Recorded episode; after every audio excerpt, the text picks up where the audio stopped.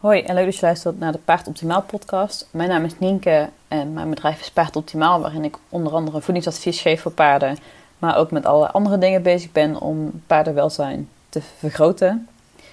Um, in de aflevering van vandaag wil ik het gaan hebben over uh, paarden die niet stoppen met eten. En dan heb ik het specifiek over ruwvoer dus.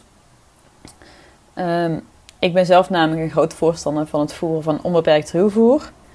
Maar ik zie best wel vaak voorbij komen op social media uh, of andere plekken dat mensen hun paard niet onbeperkt, geen onbeperkt willen voeren, want dan wordt een paard veel te dik, want hij stopt niet met eten. En dat is waar, er zijn inderdaad paarden die niet stoppen met eten, maar er is dan wel een oorzaak voor. Want een gezond paard stopt in principe gewoon met eten als hij genoeg gegeten heeft. Als die gewoon, uh, nou ja, als, als die gewoon genoeg gegeten heeft, dan uh, gaat hij gewoon even met zijn maatje spelen of staan, staan dutten of iets anders doen. Uh, is natuurlijk ook wel een beetje een kwestie van heeft je paard iets anders, heeft je paard iets anders te doen. als je paard alleen maar uh, of op stal staat of uh, in een paddock waar alleen in een paddock waar verder niks te doen is, ja, wat moet het anders doen dan hooi eten? Dus daar moet je ook wel een beetje naar kijken als je paard niet stopt met eten. Over het algemeen is er sprake van een probleem als je paard echt niet stopt met eten. Wanneer je paard niet stopt met eten, dan is dat vaak omdat hij dus niet, omdat het lichaam niet uh, verzadigd raakt. Uh, en dat heeft dus een oorzaak, want bij een gezond paard is dat niet zo. Uh, en een hele bekende oorzaak daarvan is insulineresistentie. Als een paard insulineresistent is, dan krijgen de spiercellen geen seintje om uh, suiker uit het bloed op te gaan nemen. En wat ze ook weer voor energie kunnen gebruiken.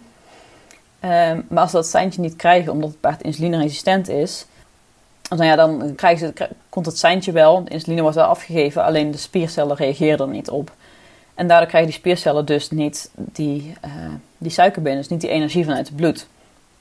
En dus komen die spiercellen eigenlijk gewoon energietekort. En dat is dan ook uh, een teken wat de hersenen blijft krijgen van oké, spiercellen hebben niet genoeg energie. Uh, we hebben meer energie nodig, dus blijf eten. Maar je paard kan blijven eten, maar die spiercellen, als je paard echt flink insulineresistent is, krijgen dan nog steeds geen suiker. Als je paard nog in een beginnend stadium is, dan is het wel een kwestie van als, de, als de bloedsuikerspiegel hoger wordt, dat dan uh, dus meer insuline aangemaakt wordt, dat dan wel meer uh, dat er dan nog wel tot op bepaalde hoogte door de spiercellen suiker opgenomen kan worden.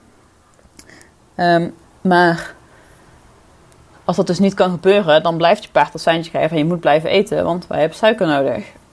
Want wij hebben die energie nodig. En dan uh, kun je dus een paard hebben wat niet stopt met eten. En een andere oorzaak, wat, en iets anders wat daar ook een oorzaak van kan zijn, is wanneer je paard te vroeg afgespeend is. Want um, nou, het blijkt dus dat bij paarden die te vroeg afgespeend zijn en die niet de kans hebben gekregen om een goede darmflora op te bouwen, dat die paarden vaak de neiging hebben om dus maar gewoon te blijven eten, omdat ze, ook niet echt verzadigd raken. Um, dus ja, er, er, zijn verschillende redenen die je paard kan hebben als hij niet stopt met eten.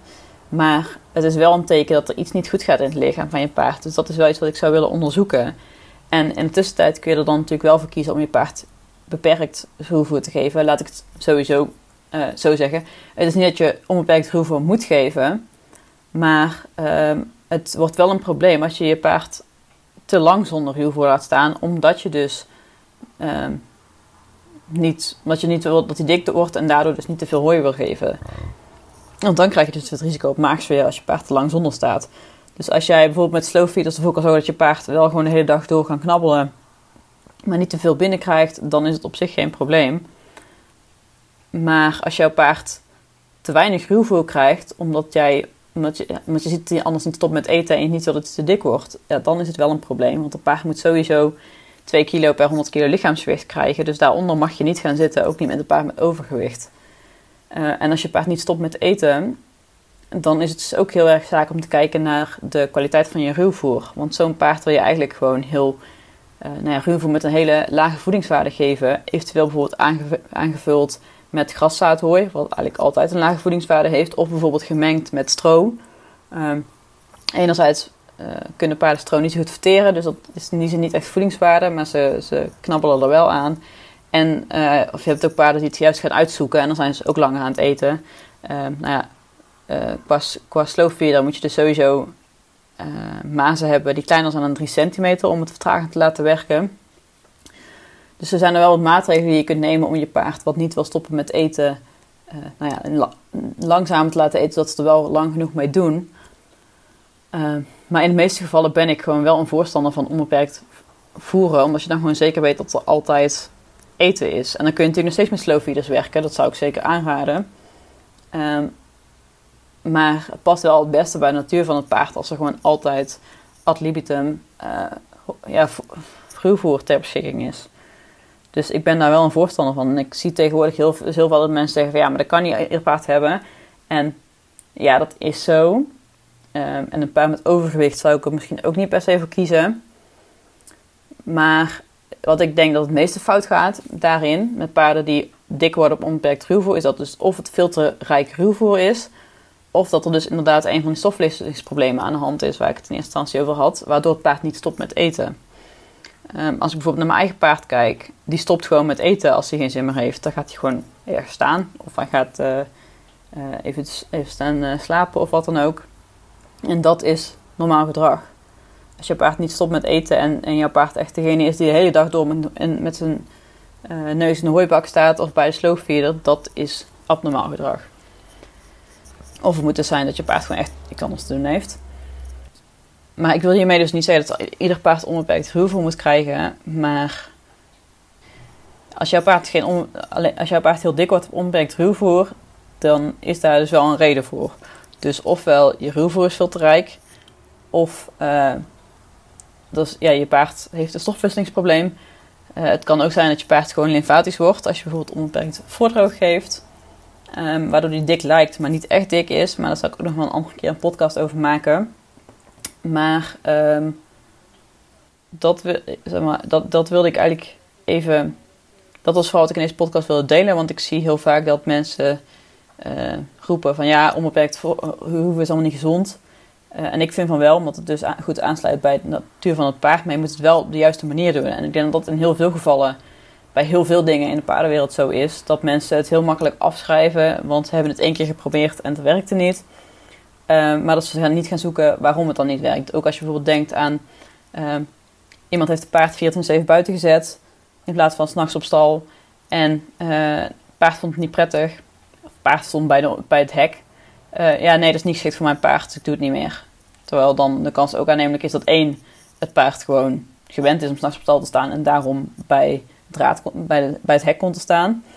Ik zie bijvoorbeeld bij onze paarden die uh, hebben nu al een week niet op gras gestaan en daarvoor mochten ze er wel regelmatig op. Nou, niet gewoon af en toe een uurtje. Um, en dat deed ik dan vaak als, meteen als ik aankwam. Dus in eerste instantie, toen ze niet meer op mochten, merkte je ook dat ze al bij de, dat als ze mij zagen, dat ze meteen al bij de draad gingen staan. Want er zat in een systeem, als ik er was, dan mochten ze op het gas. Eh, en dat hebben ze de eerste paar dagen nog gedaan, maar daarna hadden ze wel door van, oh, dit, dit gaat het niet worden. Dus vaak is het ook gewoon een kwestie van routines doorbreken. En dan moet je gewoon even volhouden. Maar bij zulke, in zulke gevallen, ook als, als mensen dus zeggen van, ja, mijn paard staat liever s'nachts op stal. Um, denk ik altijd van, ja, maar als je je paard, zet je paard op stal, geef hem een bakje en laat de deur openstaan. Blijft hij dan op stal staan? Ik betwijfel het. Dan moet je natuurlijk wel zorgen dat er geen onveilige dingen zijn of open voertonnen of zo. Maar ik geloof gewoon niet dat er paarden zijn die liever, die liever s'nachts op stal staan. Maar wat ik wel geloof is dat er dat niet iedere manier van 24-7 buitenhuisvesting bij ieder paard past. En ik denk ook dat er veel eigenaren zijn die gewoon één manier proberen, proberen en dat is het niet. Um, en dan proberen we het maar gewoon niet meer. Terwijl het ene paard kan bijvoorbeeld, je, het ene paard kun je in een groep zetten, in een grote groep, en dan doet hij het niet goed in. Maar als je met z'n tweeën of met z'n drieën zet, doet hij het wel goed. Dus ik weet even niet meer hoe ik hier nu op kwam. um, maar ik, volgens mij wilde ik, wilde wat ik wilde zeggen is dat het ook is dat het vaak ook de omstandigheden zijn waarin, waardoor het iets wel of niet goed gaat. Dus dat het soms ook zoeken is naar de juiste omstandigheden die bij jouw paard aansluiten. En dat soms even puzzelen is. Um, En kijk, als jij je paard niet 24-7 buiten wil hebben, ja, dat is je eigen keuze. Uh, het is niet mijn visie, maar dat mag ieder voor zich weten. Maar ik vind het jammer als paardenmensen iets maar één keer proberen en dat gaat niet goed en dan probeer het ook gewoon maar niet meer. Want soms is het gewoon echt even zoeken naar waar je paard het beste onder doet. Um, maar goed, het ging over ruwvoer. Ik ben weer uh, afgedwaald. Maar ook qua ruwvoer kan het soms dus gewoon even zoeken zijn naar een manier waarop jouw paard wel onbeperkt ruwvoer zou kunnen krijgen. Um, als je dat wil. Als je het niet wil, nou ja, dan, dan niet. Dan is het wel belangrijk dat ze niet langer dan vier uur zonder staan. Maar um, ja, soms is het ook gewoon even een beetje draaien, aan de knoppen draaien. Als het om de omstandigheden gaat en de juiste omstandigheden voor jouw paard zoeken. En het kan dus ook nodig zijn dat er gewoon echt um, therapie nodig is om het lichaam, om de gezondheid te ondersteunen. Um, zoiets als insulineresistentie, dat zie je niet altijd aan de buitenkant. Dus je paard kan er in principe gezond uitzien. Maar dan kan je nog steeds wel insulineresistent zijn. Het is niet zo dat alleen dikke paarden insulineresistent worden. Dus dat is denk ik wat ik over dit onderwerp uh, wilde delen. Dus nee, niet alle paarden moeten onbeperkt ruwvoer krijgen. Maar ik vind het wel jammer dat onbeperkt ruwvoer soms een beetje gedemoniseerd wordt. Dus daar wil ik even voor opkomen. Omdat ik het voor heel veel paarden juist wel een hele goede optie vind. Dus bedankt voor het luisteren en uh, tot de volgende keer.